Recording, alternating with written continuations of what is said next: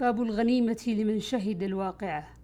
عن عمر رضي الله عنه قال لولا آخر المسلمين ما فتحت قرية إلا قسمتها بين أهلها كما قسم النبي صلى الله عليه وسلم خيبر باب من قاتل للمغنم هل ينقص من أجره؟ عن أبي موسى الأشعري رضي الله عنه قال قال أعرابي للنبي صلى الله عليه وسلم الرجل يقاتل للمغنم والرجل يقاتل ليذكر ويقاتل ليرى مكانه. من في سبيل الله؟ فقال من قاتل لتكون كلمة الله هي العليا فهو في سبيل الله. باب قسمة الإمام ما يقدم عليه ويخبأ لمن لم يحضره أو غاب عنه. عن عبد الله بن أبي مليكة أن النبي صلى الله عليه وسلم أهديت له أقبية من ديباج مزررة بالذهب.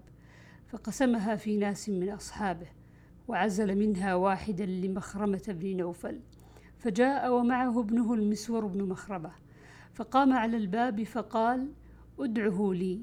فسمع النبي صلى الله عليه وسلم صوته فأخذ قباء فتلقاه به واستقبله بأزراره فقال يا أبا المسور خبأت لك هذا.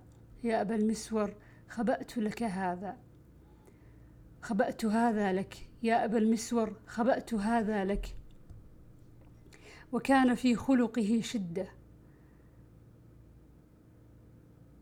وفي رواية عن المسور قدمت على النبي صلى الله عليه وسلم أقبية.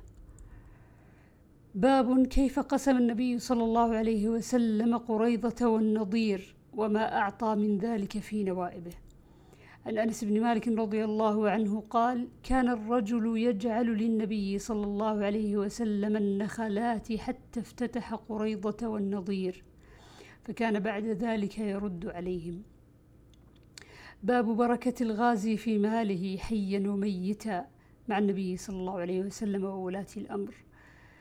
عن عبد الله بن الزبير قال لما وقف الزبير يوم الجمل دعاني فقمت إلى جنبه فقال يا بني إنه لا يقتل اليوم إلا ظالم أو مظلوم وإني لا أراني إلا سأقتل اليوم مظلوما وإن من أكبر همي لديني أفترى يبقي ديننا من مالنا شيئا؟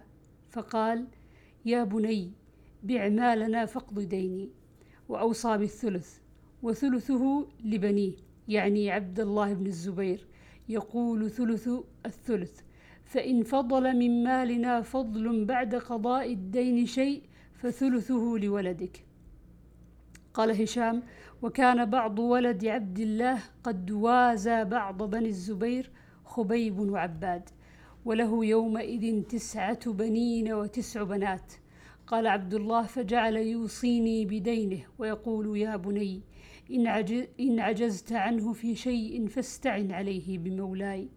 قال فوالله ما دريت ما أراد حتى قلت يا أبتي من مولاك؟ قال الله. قال فوالله ما وقعت في كربة من دينه إلا قلت يا مولى الزبير اقض عنه دينه فيقضيه. فقتل الزبير رضي الله عنه ولم يدع دينارا ولا درهما إلا أرضين منها الغابة وإحدى عشرة دارا بالمدينة ودارين بالبصرة ودارا بالكوفة ودارا بمصر. قال وإنما كان دينه الذي عليه أن الرجل كان يأتيه بالمال فيستودعه إياه فيقول الزبير لا ولكنه سلف فإني أخشى عليه الضيعة.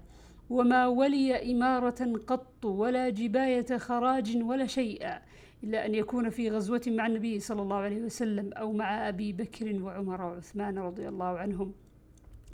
قال عبد الله بن الزبير فحسبت ما عليه من الدين فوجدته ألفي ألف ومئتي ألف. قال فلقي حكيم بن حزام عبد الله بن الزبير. فقال يا ابن أخي كم على أخي من الدين؟ فكتمه فقال مئة ألف. فقال حكيم والله ما أرى أموالكم تسع لهذه. فقال له عبد الله أفرأيتك إن كانت ألفي ألف ومئتي ألف؟ قال ما, أرى ما أراكم تطيقون هذا. فإن عجزتم عن شيء منه فاستعينوا بي. قال وكان الزبير اشترى الغابة بسبعين ومائة ألف فباعها عبد الله بألف ألف وستمائة ألف ثم قام فقال من كان له على الزبير حق فليوافنا بالغابة. فأتاه عبد الله بن جعفر كان له على الزبير أربعمائة ألف فقال لعبد الله إن شئتم تركتها لكم. قال عبد الله لا. قال فإن شئتم جعلتموها فيما تؤخرون إن أخرتم. فقال عبد الله لا. قال قال قال فاقطعوا لي قطعة. فقال عبد الله لك من ها هنا إلى ها هنا. قال فباع منها فقضى دينه فأوفاه وبقي منها أربعة أسهم ونصف. فقدم على معاوية وعنده عمرو بن عثمان والمنذر بن الزبير وابن زمعة. فقال له معاوية كم قومت الغابة؟